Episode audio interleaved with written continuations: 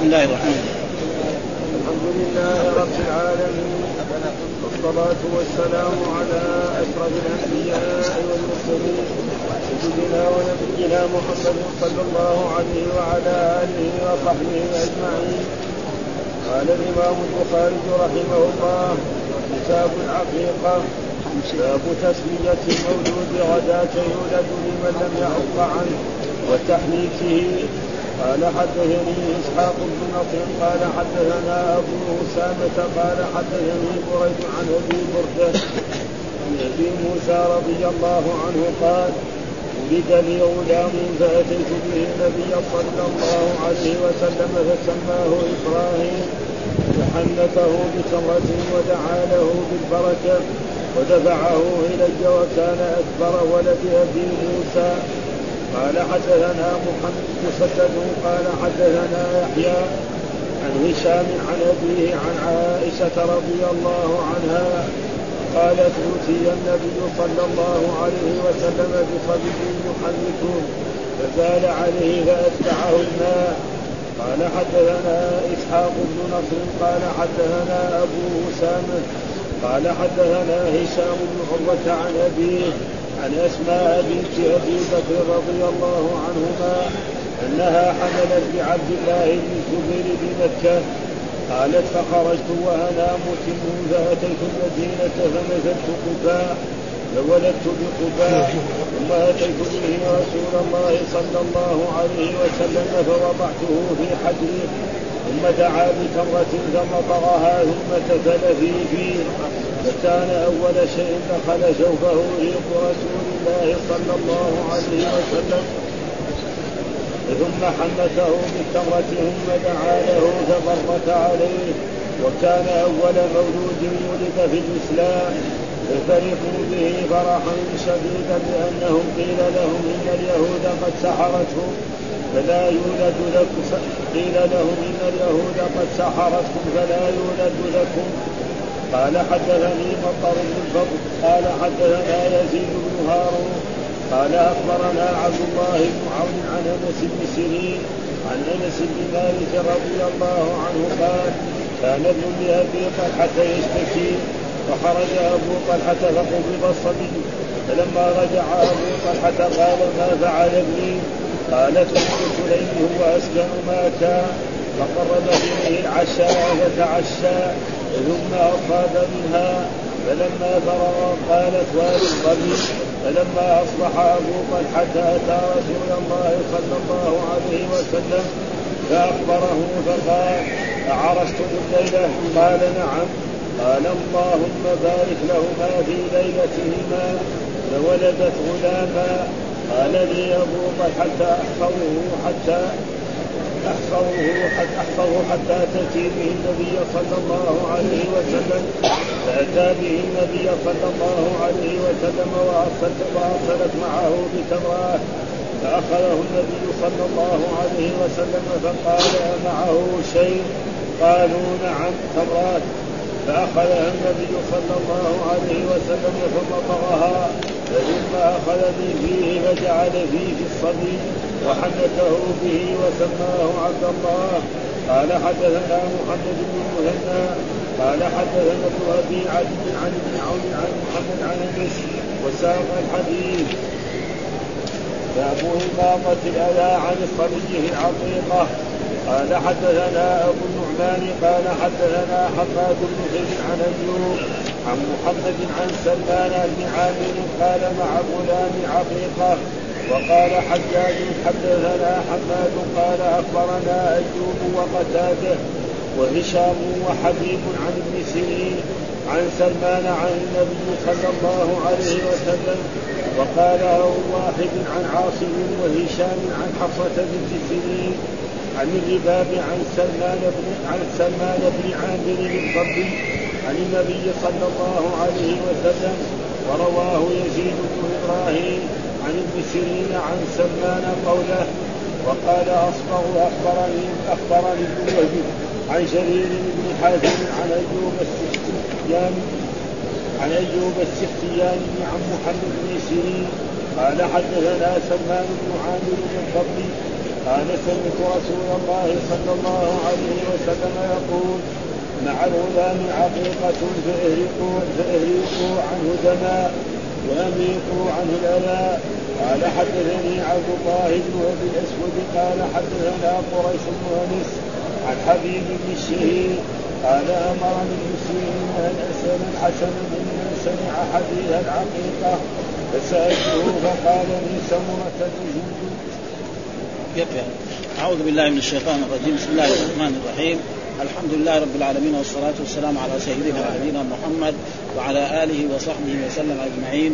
بسم الله الرحمن الرحيم. كتاب العقيدة ومن عادة الإمام البخاري كل كتاب يبتدئ بسم الله لأنه جاء في الأحاديث الصحيحة كل أمر لا يبدأ فيه بسم الله فهو أكثر ناقص البركة. ولأجل ذلك الكتب الإسلامية الدينية القديمة كلها فيها بركة. الكتب الحديثة الآن قد يقرأ الإنسان بعض كتب الأدب وهذا ما فيها بسم خصوصا الكتب الجديدة يعني ها؟ كتب طه حسين وأمثاله ابدا ما فيها بس دغري يدخل في الموضوع الذي يريد لا فيها بسم الله. لا يقراها يمكن بعد شوية يبقى وهذا يعني صدق رسول الله صلى الله عليه وسلم. ثم بعد ذلك ذكر كتاب العقيق وكتاب قلنا غير ما مر أنه مصدر والمراد به اسم المفعول انه كتب يكتب كتابا هذا مصدر. لكن المراد به اسمه يعني هذا مكتوب تذكر فيه الأحاديث الواردة عن رسول الله صلى الله عليه وسلم في العقيقة. هذا معناه العقيقه والعقيقة يعني بفتح العين المهملة وهو اسم لما يذبح عن المولود. إيش معنى العقيقة عند العلماء؟ قال هو اسم لما يذبح عن المولود. فالذبيحة الذي تذبح يوم سابعه تسمى عقيقة. هذا هذا بعضهم تصور واختلف في اشتقاقها. يعني من فين اشتقت لأنه دائما عقيقة فعيلة. فالفعيلة هذا يعني يعني يقول ما هو يعني مصدر فيكون إيه؟ مشتق عقيقة فعيلة. وقال أبو عبيد والاصمع أصلها الشعر الذي يخرج على رأس المولود. يعني أصله الشعر الذي يخرج على رأس المولود. وتبعه الزمخشري وغيره. وسميت نعم الشاة التي تذبح عند ذلك في تلك الحالة عقيقة لأنه يحلق عنه ذلك الشعر عند الذبح وعن أحمد أنها مأخوذة من العق وهو الشق والقطع. يعني بعضهم يقول أنها مشتقة من من الشعر وبعضهم يقول أنها مشتقة من إيه من الشق والقطع ورجح ابن عبد البر وطائفه قال الحقيقة اسم للشاة المذبوحه عن المولود. سميت بذلك لأنها تعق وتعق مذابحها أي تشق وتقطع. لأنه إذا ذبحناها نكسر عظامها ونكسر هذا. قال الخطابي العقيقه اسم الشاة المذبوحة عن المولود. سميت بذلك لأنها تعق ويسمى عقيقة. ويقال عق يعق إذا حلق عن ابنه عقيقته وذبح للمساكين شاة. وقال القزاز أصل العق الشق. وكأنها قيل لها عقيقة بمعنى معقوقة. وسمي شعر المولود عقيقة باسم ما يعق عنه. وقيل باسم المكان الذي انعق عنه. وكل مولود من البهائم فشعره عقيقة. فإذا سقط وبر البعير ذهب عقه. ويقال أعقت الحامل نبتت عقيقته. عقيقة ولدها في بطنه. قلت ومما ورد في تسمية الشاة عقيقة ما أخرجه البزار من طريق عطاء عن ابن عباس رفعه للغلام عقيقتان وللجارية عقيقة. هنا عقيقة بمعنى إيه؟ عقيقتان معنى شاتان وعقيقة للش... هذا معنى شات هذا يعني مقصود منهم من يفسره بالشعر ومنهم من يفسره بنفس الشاة التي تذبح وهي واختلف العلماء هل هي سنة؟ أو واجبة. أصح الأقوال أنها سنة. أصح الأقوال أنها سنة مؤكدة. على على الذكر. اي شاتان. ولا برضه في أحاديث عن عن الذكر شاة وعن البنت شاة. في أحاديث كده وفيها. لكن هذه الأحاديث اللي فيها شاتان يعني قوية ودائما في قاعدة علمية عند العلماء.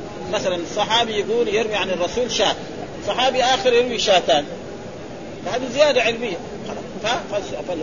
ومعلوم أن الذكر أفضل من الأنثى. فيذبح شاة وإذا ما يقدر يذبح شاة يكفي. ثم ذكر باب تسمية المولود غداة آه يولد. آه لمن لم يعق عنه وتحنيكه. يعني باب أنه تسمية المولود. إذا ولد للإنسان مولود نعم يسميه إيه؟ يوم ولد. ما يحتاج. وفي أحاديث أنه يسميه يوم سابع فإذا مثلا ولد له المولود اليوم وفي المساء أو في الليل سماه بفلان بمحمد أو بعبد الله أو بعبد الرحمن أو بغير ذلك فإن ذلك. ثم العقيقة لا يذبحها إلا يوم سابعه يوم السابع يذبح. وأما التسمية فيجوز أن يسميه لأنه في هناك أحاديث أنه سماه يوم ولد له. وفي أحاديث أنه سماه يوم السابع. فإذا الكل جائز. وأما ذبح العقيقة وهي ذبح الشاة للبنت أو الشاتان للذكر أو شاة للذكر وللأنثى فهذا يكون يوم إيه؟ يوم سابعه. قال باب تسمية المولود غداة. والغداة معناه يعني إيه؟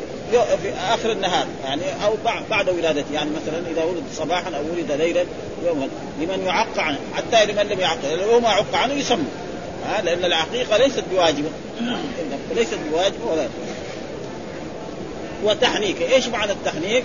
التحنيك يأتي إنسان كبير يأخذ تمرة يمضغها في فمه ثم يخرج جزء منها ويجعلها في فم الصبي فيمص. ها وقد فعل ذلك الرسول صلى الله عليه وسلم عدة مرات. أصبح سنة اليه وقد الرسول فعل ذلك مع مع أخي أنس.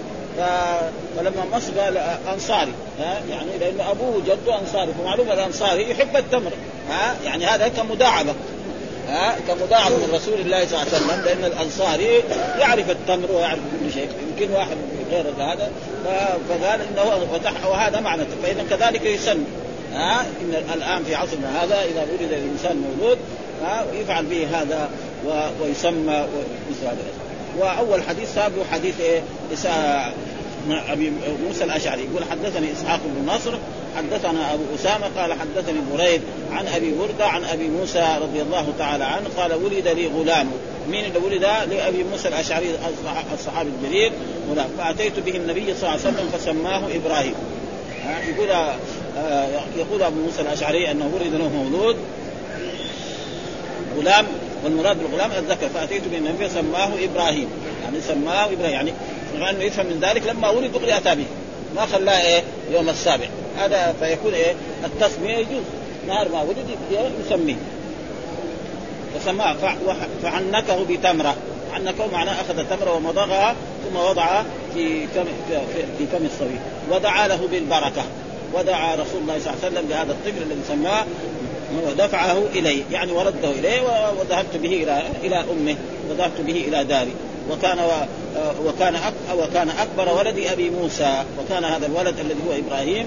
يعني يمكن كان أبو موسى يسمى أبا إبراهيم. ها مثل ما كان الرسول يسمى أبو القاسم وأبو إبراهيم ففهم من ذلك ان أن الإنسان إذا ولد له ولد يسميه في يوم ولادته ويحنكه وإن أتى به إلى رجل يعني اعتقد فيه الصلاح والدين فلا بأس بذلك. مثل ما كان الصحابة يفعلون ذلك يأتون به إلى رسول الله صلى الله عليه وسلم وأن يدعو ذلك الشخص. له بالبركة فإنه يكون فيه البركة. هذا الحديث الأول، الحديث الثاني برضه حدثنا مسدد قال حدثنا يحيى عن هشام عن ابي عن عائشة رضي الله تعالى عنه قال أتي النبي صلى الله عليه وسلم بصبي فحنكه فبال عليه فأتبعه الماء. هذا الحديث برضه عن مسدد ومسدد هذا ابن هذا يعني البصري من مشايخ الامام البخاري عن يحيى عن هشام بن عروة عن أبي عروة عن عائشة قالت أتي النبي صلى الله عليه وسلم. يعني ما بينت مين أتى. يعني رجل من الأنصار أو من المهاجرين أتى النبي بصبي فحنكه. ها بصبي يحنكه ها بصبي لأن هذا شيء معروف عندهم يحنك فبال على فلما اخذ الرسول ووضعه في حجره بال هذا الصبي عليه. فلما بال هذا الصبي عليه أتبعه الماء يعني رش عليه. وهذا وهذا ما في شيء. لأنه جاء في أحاديث كثيرة عن رسول الله صلى الله عليه وسلم أن يعني يرش من بول الغلام نعم ويغسل من بول الجارية. كذا في أحاديث بهذا النص. يعني فإذا الولد الذكر بال على ابيه أو على امه أو على أي إنسان نعم يعني ينضح كذا يرش كذا. وأما الجارية لازم يغسل ليش؟ في علة، العلة اولا أن البول بول الغلام في الغالب ما يقع في مكان واحد خصوصا إذا كان مختوم. فلو كان طفل هنا موجود نعم مختوم. وبال البول هناك يروح بال شرب هنا وهنا. هذا شيء مشاهد. وأما الجارية فبولها يكون في مكان واحد. يروح لا من هنا ولا من هنا. ها؟ ويكون أغلط. ثم المرأة يعني على كل حال خلقت يعني معروف انها حواء خلقت من إيه؟ من دم ولحم. آدم مثلا الذكر من الطين. فمن هذه الحيثية ثم الناس يعني أكثر رغبتهم في الذكور. يعني إذا كان ولد الذكر يمكن يشيله في يوم خمس مرات ست مرات. يمكن البنت يعني يكون أقل من ذلك وتكون هي مع أمها أكثر. يعني هذا فلذلك هذا من سماحة الإسلام. ففهم من ذلك قال وأتبعه. يعني ما قال غسله. وهذا كله إذا لم يأكل الطعام. إذا لم يأكل يطعمه أما إذا أكل الطعام فبوله كبول الناس الكبار. ها فإذا صار يأكل الطعام صار عمره سنتين أو سنة ونص أو كذا وصار يأكل فإنه لازم غسله سواء كان جارية أو كان فبال عليه فأتبعه الماء. وهذا دليله أن الرسول صلى الله عليه وسلم كان يعني إذا بال الصبي يرش وفي رواية ينضح والنضح معناه الرش. كذا ف... وأما الجاري فإنه لازم من غسلها ومحل الشاهد انه انه اتى النبي صلى الله عليه وسلم يحنكه. هذا. ثم ذكر حديث كذلك أبي طلحة لما ولد له مولود حدثنا إسحاق وهذه الأحاديث مرت علينا عدة مرات يعني خصوصا هناك في كتاب حدثنا إسحاق بن نصر حدثنا أبو أسامة حدثنا هشام بن عروة عن أبيه عن أسماء بنت أبي بكر رضي الله تعالى عنها حملت بعبد الله بن الزبير. تقول أسماء بنت أبي بكر. يعني كان زوجها الزبير بن العوام ووالدها أبو بكر الصديق رضي الله تعالى عنه. أنها حملت بعبد الله بن الزبير بمكة. كانت حملت به قبل أن يهاجر الرسول إلى هذه المدينة فخرجت وأنا متم. يعني خرجت من مكة وأنا متم. يعني آه، الحمل تم. الحمل يقعد تسعة أشهر أو ثمانية أشهر أو تسعة أشهر أو عشرة أو 11 أو 12 يعني لا حد له. أكثر الحمل تسعة أشهر. وأقله ستة أشهر ولكن أكثره ما في. ها؟ ثبت أن بعض من الناس ولد بعد أربع سنوات. من بعض الناس يقول الإمام مالك رحمه الله تعالى.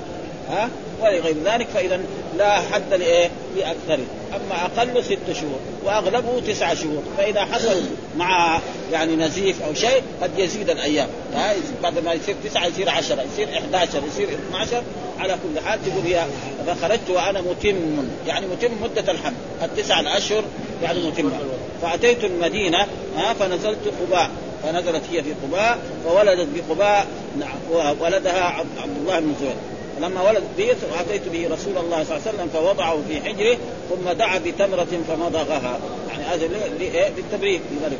فوضعه في حجره والحجر هذا هو ها يعني اللسان ليه فمضغها ثم تفل فيه فكان أول شيء دخل جوفه ريق رسول الله صلى الله عليه وسلم. ومعلومه ريق رسول الله صلى الله عليه وسلم. نعم يتبرك. التبرك بآثار الرسول صلى الله عليه وسلم هذا ثابت في الأحاديث الصحيحة كثيرة جدا. ها لكن الناس لما شافوا انه التبرك بآثار الرسول صاروا يتبركوا كذلك بالعلماء. ولذلك نحن لما ننظر إلى السنة ما سمعنا أن أحد كان يتبرك مثلا بآثار أبي بكر الصديق أو بآثار عمر بن الخطاب.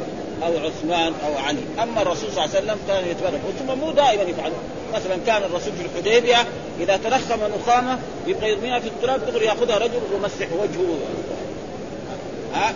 وإذا تفل كذلك. فهذا كان يفعله عشان يوروا قريش إنكم يا يا قريش إنكم لا تصلون إلى محمد حتى يموتوا هؤلاء ال 1400 لأنه هم رأوا كسرى وقيصر. أعظم الناس ذاك الوقت. كسرى. ما حد يتمسك بمخاطبة. وانتفاله قرف مهما كان حتى الدجال اللي يبغى يبغى منهم فلوس أو دنيا يعني يمكن يأخذها كذا ولا يمسح ما يمسح وجهه تمام إذا كان له غرض من أغراض الدنيا يبغى يشد وظيفة كبيرة ولا شيء. ابدا قرف مهما كان. ما أحد يقول إن مخاط أحد يعني ما هو طيب. مهما كان. لكن هذول كانوا يتمسحوا بمخاط الرسول صلى الله عليه وسلم. نعم وإذا توضا وضوء وبقي شيء كان وكان كذلك يعني يعني رجل ثبت أنه شرب يعني دم الرسول صلى الله عليه وسلم. الرسول احتجم وقال له خذ هذا وضعه في مكان لا يراه أحد. فراح هناك شربه فلما جاء إلى الرسول قال له في وضعه؟ قال أنا شربت.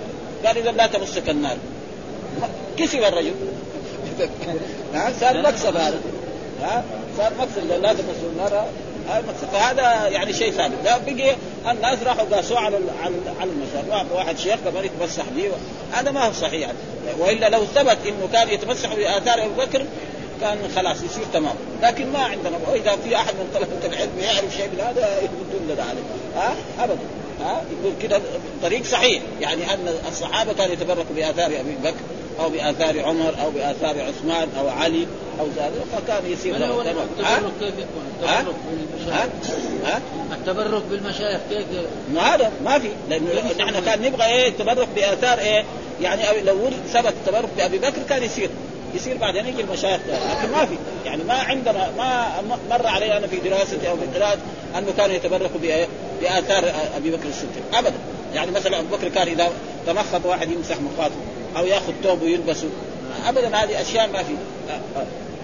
فلذلك فأنا متم ثم أتيت فوضع في حجره ثم دعا بتم ثم دفن فكان أول شيء دخل الجو فهو ريق رسول الله صلى الله عليه وسلم. ومعلوم ريق رسول الله صلى الله عليه وسلم له بركة عظيمة جدا. ثم حنكه بالتم ثم دعا له. ولذلك كان عبد الله بن الزبير هو أول مولود ولد بالمدينة من المهاجرين. ها أول مولود ولد بالمدينة وبعد ذلك أصبح من أصحاب النبي صلى الله عليه وسلم وأصبح خليفة ها وقتل مظلوما مسكين ها فانه بعد ذلك لما أراد معاويه بن سفيان يبايع ولد يزيد أبى أن يبايع وخرج إلى مكة وأصبح خليفة في مكة وجلس تسع سنوات خليفة تسع سنوات في في مكة هو الخليفة على على مكة وما حولها وعلى اليمن وعلى العراق ثم بعد ذلك الأمويين اتفقوا معه وحاربوه حتى قتلوه ها وصلبوه. بعد ما هدموا الكعبة وفعلوا أشياء ثم صحابي جليل وله من الأحاديث الشيء الكثير ويكفي أن آه، يعني آه، عبد الله بن الزبير أحد العشر المبشرين من الجنة وأمه أسماء بنت أبي بكر. وهذا محل شاهد ثم بعد ذلك الناس كانوا يقولوا إن اليهود قد سحرت. يعني بعد ما هاجر المهاجرون إلى المدينة يعني قعدوا يمكن مدة شهور ما حد ولد. فقال الناس الأعداء بعض المنافقين على أن اليهود سحرت المهاجرين. ما يولد لهم خلاص. فلما ولد هذا فرح فرح المهاجرون. ها ما دام ولد كمان بعد يومين ثلاثة كمان يولد ثاني. برضه فهذا كذلك يعني إيه؟ إنه حنكه وهنا ما ذكر إيه؟ التسمية. ثم حدثني مطر نصر بن الفضل حدثنا يزيد بن هارون أخبرنا عبد الله بن عون عن أنس بن سيرين عن أنس بن مالك رضي قال كان ابن لأبي طلحة يشتكي يعني مريض. كان ابن لأبي طلحة يشتكي يعني مريض. فخرج أبو طلحة فقبض الصبي. يعني خرج أبو طلحة للمسجد يصلي أو ذهب لغرض من أغراض الدنيا يذهب إلى السوق يشتري له متاع أو يشتري طعاما لأهله فقبض الصبي. يعني مات. ها الصبي مات. فلما رجع أبو طلحة قال ما فعل ابني؟ قال لامه أم سليم إيش فعل ابني؟ قالت هو أسكن ما كان أسكن. هو في أسكن يعني صحته تحسن. يعني طيب يعني. وهي تريد أسكن ما كان يعني خلاص. يعني سكن مرة مات يعني. لكن هو ما فهم هذه الجملة. ها؟ يعني أسكن معلوم الميت خلاص. ما ما يتحرك ابدا. هذا هو. ها؟ فهي كلت لكن هو لم يفهم. انها إن حالته الصحيه أحسن منها يعني كان أول مرضه 90% دحين صار 50% يمكن. يعني تحسن عما كان. ف... فقربت إليه العشاء. يعني قدمت العشاء فأكل. ثم بعد ذلك تجم... تجملت له. إما ما زحته أو شيء فاتصل بها اتصالا جنسيا جامعها ثم بعد ذلك في بعض الأحاديث اللي مرت علينا لما جاء الصباح قالت يا يا أبا طلحة لو أن إنسان أودعك وديعة. يعني مال أو شيء أو جابه خلاه ثم بعد ذلك بعد يوم أو يومين قال لك أعطيني حقي. إيش تقول؟ له؟ قال إذا احتسب ولدك. فإن ولدك الذي أعطاك هو أخذه. زعلوا كيف؟ يعني ليش ما قلت لي من أول الليل؟ ها؟ يمكن ما يتعشى تلك الليلة. معلوم إذا يموت ولده يعني ذيك الليلة يبطل العشاء أو يتعشى عشاء ما ما ثم كذلك ما يتصل بزوجته ما يجامع. لأنه ما عنده إيه؟ استعداد. يعني زعلان هو الآن. والجماع وهذه الأشياء لا بدها مقدمات ولا بدها أشياء. فزعل وتأثر منها وخرج إلى المسجد وصلى مع رسول الله صلى الله عليه وسلم. ثم لما أصبح الصباح يعني طلع الصباح ويمكن بعد الصلاة قابل رسول الله صلى الله عليه وسلم وقال له ان إن أم سليم فعلت كذا. كان لي طفل صغير مريض وذهبت أنا لغرض من أغراض الدنيا ثم جيت فسالتها كيف قالت هو يعني أسكن ما كان. ثم بعد ذلك في الصباح قالت إنه مات. فقال فقال الرسول هل أعرفتم البارحة؟ ودائما زي ما قلنا دائما مسألة الجماع وهذا السنة والقرآن لا يأتي به بألفاظ يعني يعني بذيئة كذا شوية. ابدا ابدا. ابدا يأتي بها يعني ولا تباشروهن وأنتم عارف فلا رفث ولا فسوق ولا جن.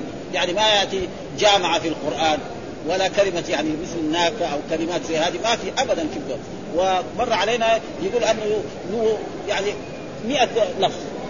مسألة الجماع وما يتعلق. في اللغة العربية له ألف كلمة. ألف يعني معنى. منها الرفث. رفث الرجل بزوجته معناه جامعة. باشر زوجته معناه جامعة اتصل بها. كثير يعني مر كثير يعني فقال آه فقال نعم قال اللهم بارك لهما في ليلتهما. فدعا لهم الرسول بهذه بارك لهما في ليلتهما. فولد غلام فولد آه بعد ذلك جاءه غلام آخر وهذا الغلام كبر وأصبح وتعلم وأصبح أحفاده قريب عشر أولاد يحفظون القرآن. يعني التابعي رأى بعد ذلك أن أولاد هذا الولد يعني كبر وتزوج وجابوا أولاد عشرة من اولاده يحفظون القرآن. ومعلوم إذا عش يحفظ القرآن حفظ القرآن يدل على على الخير الكثير. يعني صار إيه؟ طالب علم. أجل ما لما يصير عالم. ها؟ ومعناه حفظ القرآن معناه تعلم السنة وتعلم هذا فلذلك قال فلما اتى بالمصيبه عرفتم؟ فقال نعم. قال اللهم بارك لهما فيه فولدت غلاما. يعني بعد الإيه؟ الاتصال هذا الجنسي. بعد ما جاء مع أبو طلحة في تلك الليلة الذي مات غلامه ده نعم فبعد تسعة أشهر أو ستة أشهر أو أكثر أو أقل ولدت غلام. فقال لي أبو طلحة احفظه.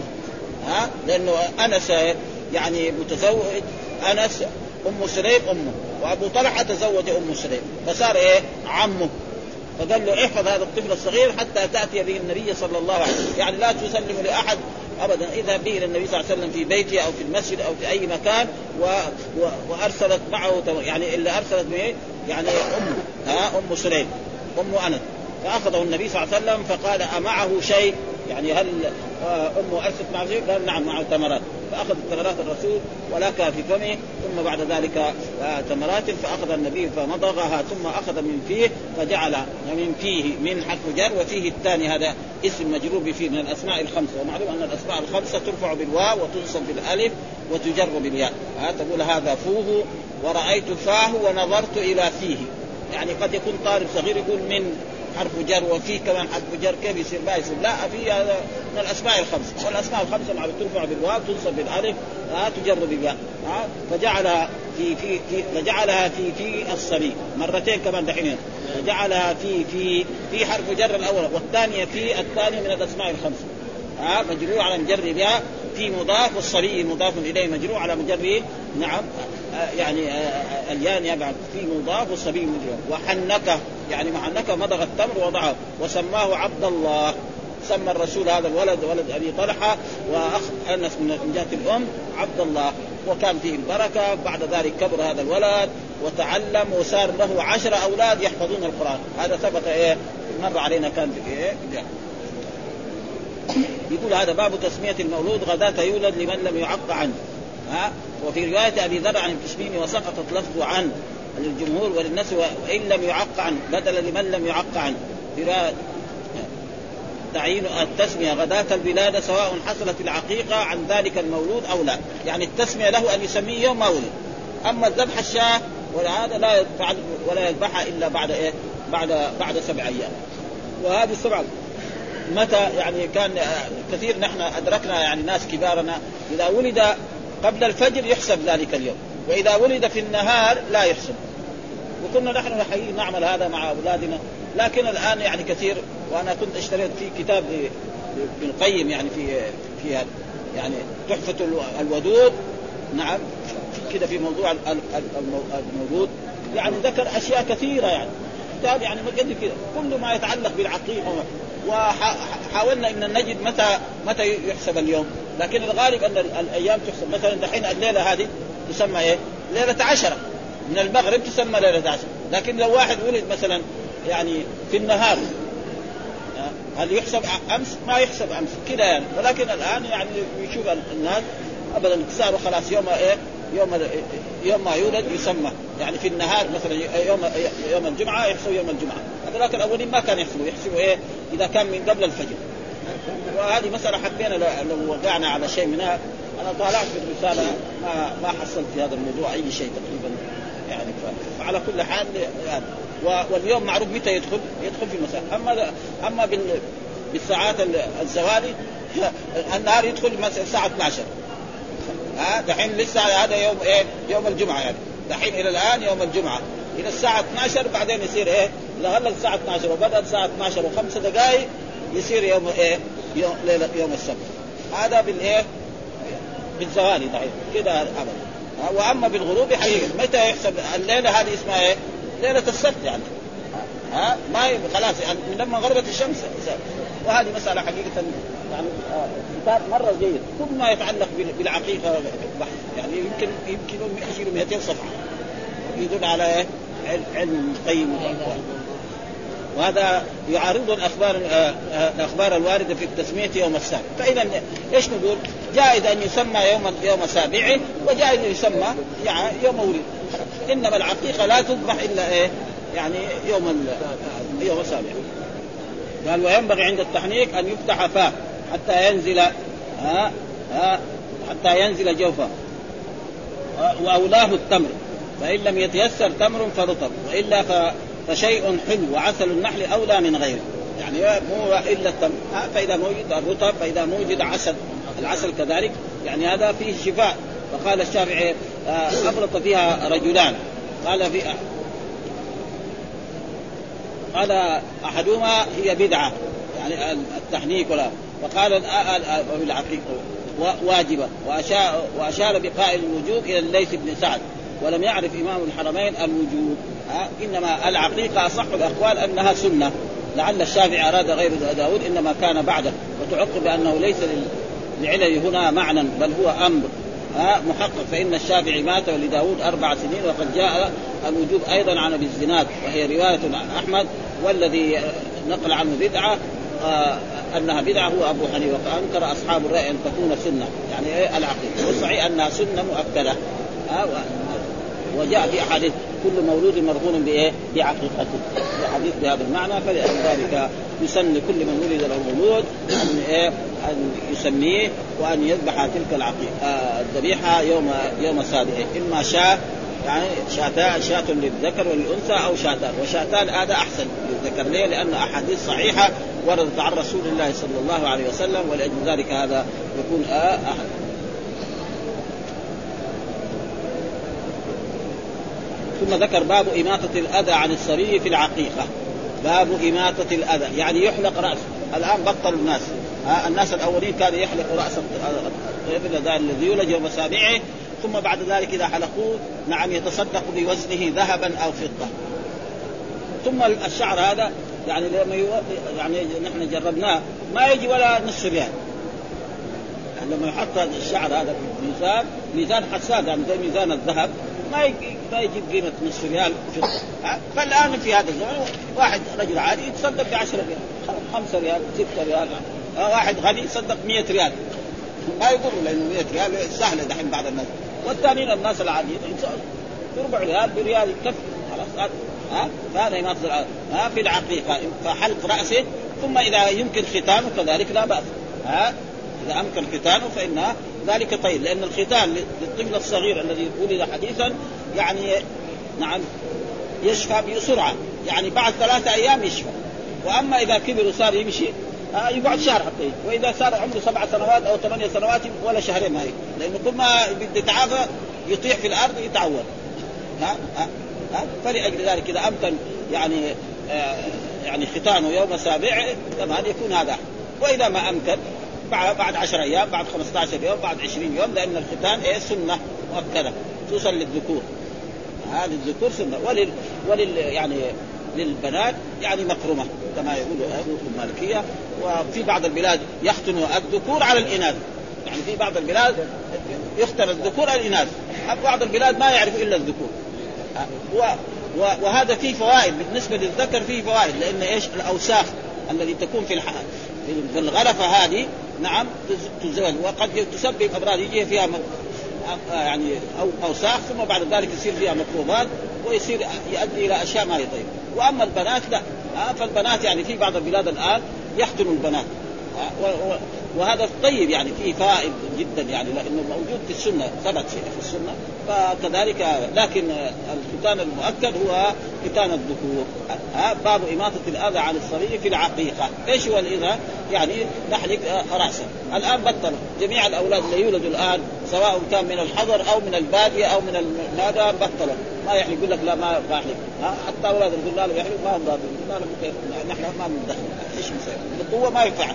لأنه هو الولد الشاب وزوجته ما يبغوا هذا. ما تقول تصير تركت السنة. نتحكم عليه بالعافية ما يقول لأنه خلاص رجال. رجل رجال. كيف؟ وإلا نحن كنا نفعل. وكل الناس الأولين كانوا يفعلوا هذه الأشياء. ولذلك يعني لها فوائد. وكل ما فعل أمر به الرسول صلى الله عليه وسلم فإن فيه الخير كل الخير. ابدا. ابدا. ها إيش الدليل؟ قال حدثنا أبو النعمان حدثنا حماد بن زيد عن أيوب عن محمد عن سليمان بن عامر قال مع الغلام عقيقة. هنا مع الغلام عقيقة يعني واحد. إذا فقال حجاج حدثنا برضه حجاج آخر حديث نفسه حماد قال أخبرنا أيوب وقتادة وهشام وحبيب عن ابن سيرين عن سلمان. النبي صلى الله عليه وسلم قال غير واحد عن عاصم عن هشام عن حفصة بنت سيرين.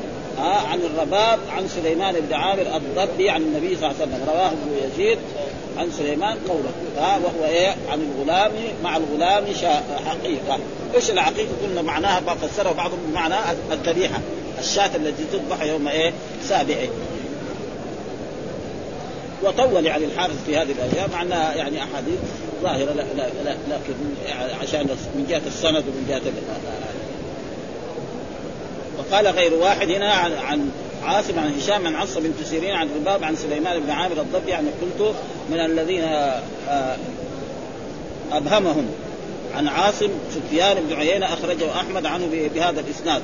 وصرح برفعه وذكر المتن المذكور وحديثين آخرين أحدهما آه، في الفطر عن التمر والثاني في الصدقة عن هذا القراب أو في الصدقة على ذي القرابة أخرجه الترمذي من طريق عبد الرزاق.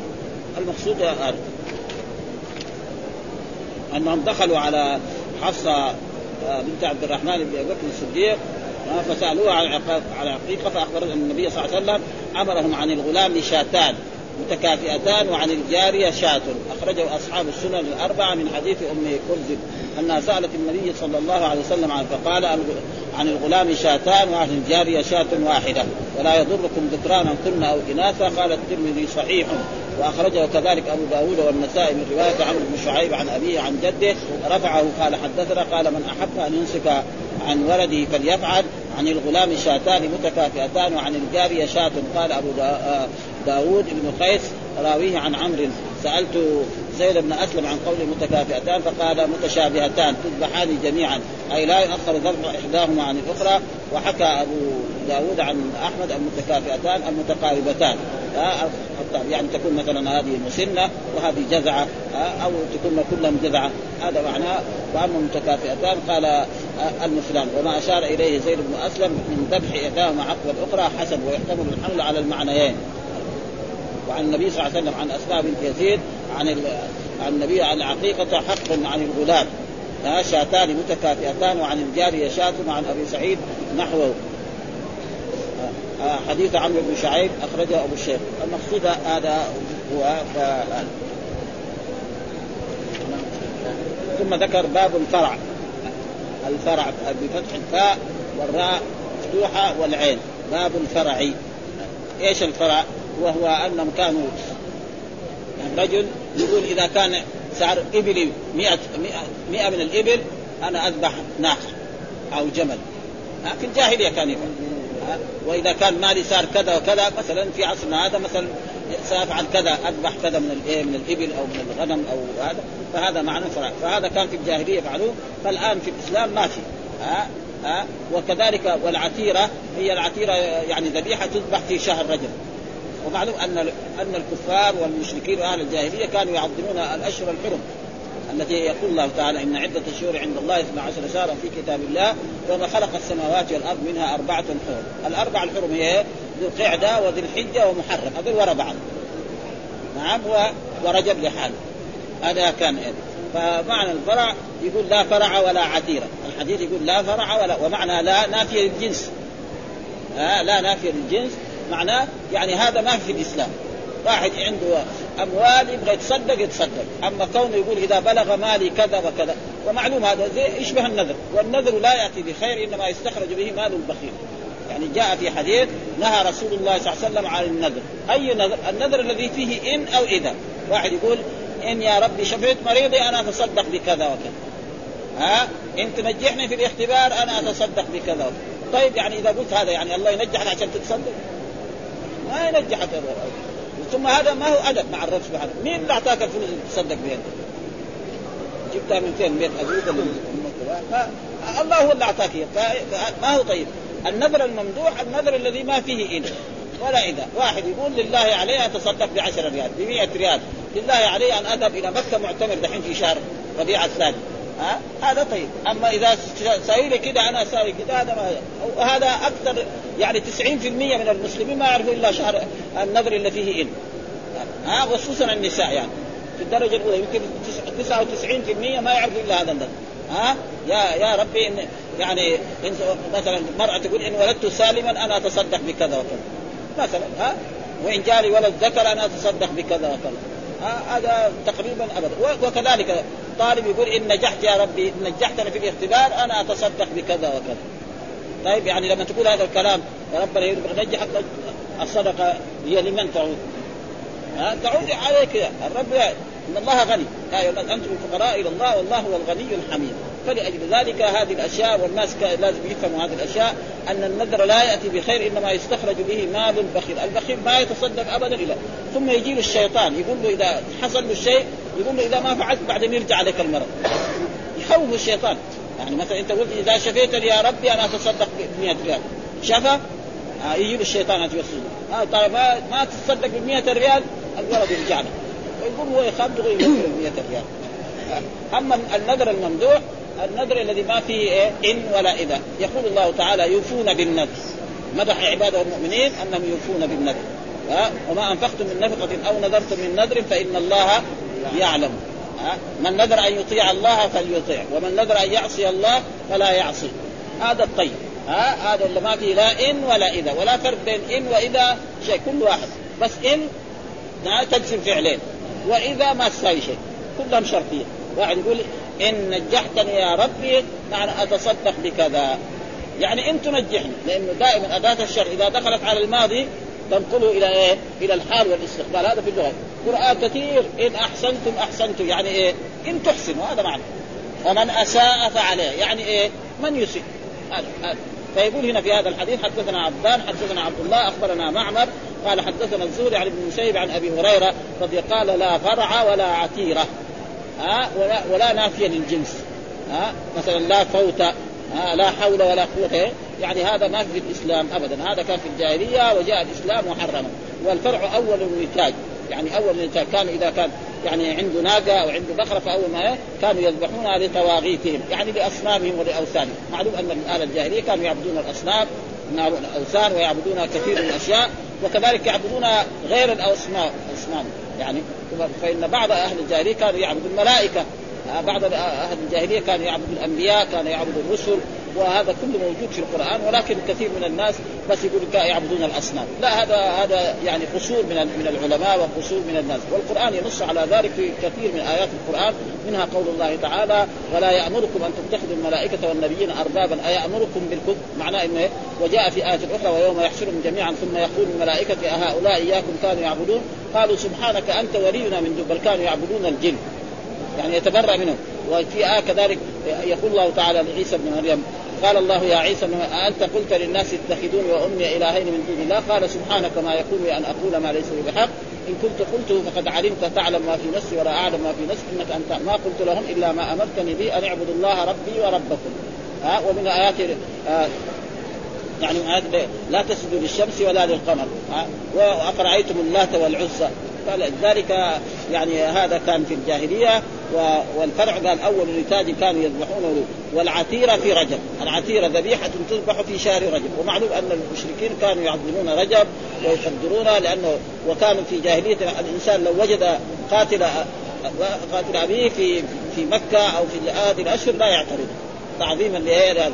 الناس الآن يمكن بعض المسلمين يمكن ما يعني ما ما يعظموا مثل هذه الأشياء. فهذا معنى باب الفرع بفتح الفاء والراء بعدها مهمله آه ذكر في حديث أبي هريرة لا فرع ولا عتيرة. من رواية عبد الله وهو ابن مبارك عن معمر حدثنا الزهري وفيه تفسير. آه الفرع والعتيره وظاهره الرفع يعني مين اللي قال لا فرع؟ النبي صلى الله عليه وسلم. فيكون وظاهره الرفع ووقع في في المحكم أن الفرع أول نتاج الإبل والغنم. كان أهل يذبحونه لأصنامهم. يعني أول ما تذبح يذبحونه. والفرع إذا ذبح كانوا إذا بلغت الإبل ما تمناه صاحبه. مثلا واحد يقول أنا إذا بلغت إبلي 100 أنا أذبح ناقة كبيرة. للأوثان هذا فهذا هو تقريبا آه، وكذلك إذا بلغت الإبل 100 يعتر منها. هذا معروف عند العرب يا اعمال أو ابن لبون. ابن لبون معناه يعني تم له سنتان ودخل في السنة الثانية. هذا يعني العرب الذي يربوا الإبل وهذا يعرف هذه الأشياء تماما. كان أحدهم يذبح ذكر ناقته أو شاته رجاء البركة فيما يأتي بعده. فسألوا النبي صلى الله عليه وسلم عن حكمها فعلموا أنه لا كراهة عليهم في ذلك. فإذا كان مثلا رجل ربنا اكرمه شيء من المال فتصدق به أو ذبح أو أعطى الفقراء والمساكين بدون هذا ولا مخالف بينه وبين حديث آخر لا فرع ولا عتيره فإن معناه لا فرع واجب ولا عتيره واجب. وقال غير معنى قول لا فرع ولا عتيره ليس في تأكيد الاستحباب كالأضحية والأول أولى. يعني إذا كان كذا بس أراد يذبح ذبيحة ويطعم الفقراء والمساكين فهذا ما في شيء. وكنا نعتر عتيرة في الجاهلية في رجب فما تأمرون قال اذبحوا لله في أي شهر. في أي شهر. أما كونه يعني يخصصها في رجب ويذبحها للأصنام فهذا تقريبا هو هذا ما يصح. قال في كل سائمة فرع تغذوه تغذيه ماشية حتى إذا استحمل إذا استحمل ذبيحته فتصدقت بلحمه. قال ذلك قال ذلك خير. وفي رواية أبي داود عن السائم مئة ففي الحديث أنه لم يبطل الفرع والعتير عن أصلهما وإنما أبطل صفة صفة صفة من كل منهما. فمن, فمن الفرع كونه يذبح أول ما يولد ومن العتيره خصوص الذبح في شهر رجب. وأما الحديث الذي أخرجه أصحاب السنن من طريق قال كنا وقوفا مع النبي صلى الله عليه وسلم بعرفة. فسمعت يقول يا أيها الناس على كل أهل بيت في كل عام أضحية وعتيره، هل تدرون ما العتيره؟ هي التي يسمونها الرجبية، ها فقد ضعفه الخطاب، يعني حديث ضعيف هذا، ها لأنه كلام الرسول ما يتنادى ابدا، هذا تقريبا هو والعتيره في رجب والعتيره الشاة تذبح عن أهل البيت في شهر رجب. والعتيره هي الرجبية ذبيحة كانوا يذبحونها في الجاهلية في رجب. يتقربوا بها إلى الأصنام. وقال العتيره نتر كانوا ينظرونه من أب من بلغ ماله كذا وكذا أن يذبح من كل عشرة منها راسا. يعني يكون عنده 100 من الإبل لكل عشرة يذبحها وكل كان يفعله لأهل الجاهلية للأوثان. وفيه نظر. ثم ذكر خاتمه اشتمل كتاب العقيقة وما معه من الفرع والعتيره على 12 حديثا المعلق منها 13 والباقي موصول والبقية موصولة والمكرر منها فيه وفيما مضى ثمانية والخالص أربعة ووافق مسلم على تخريج حديث أنس وأبي هريرة واختص بتخريج حديث سلمان وسمرة. وفيه من الآثار قول آه، فيه من الآثار قول سليمان في العقيقة وتفسير الفرع والعتيرة والحمد لله رب العالمين وصلى الله وسلم على نبينا محمد وعلى آله وصحبه وسلم.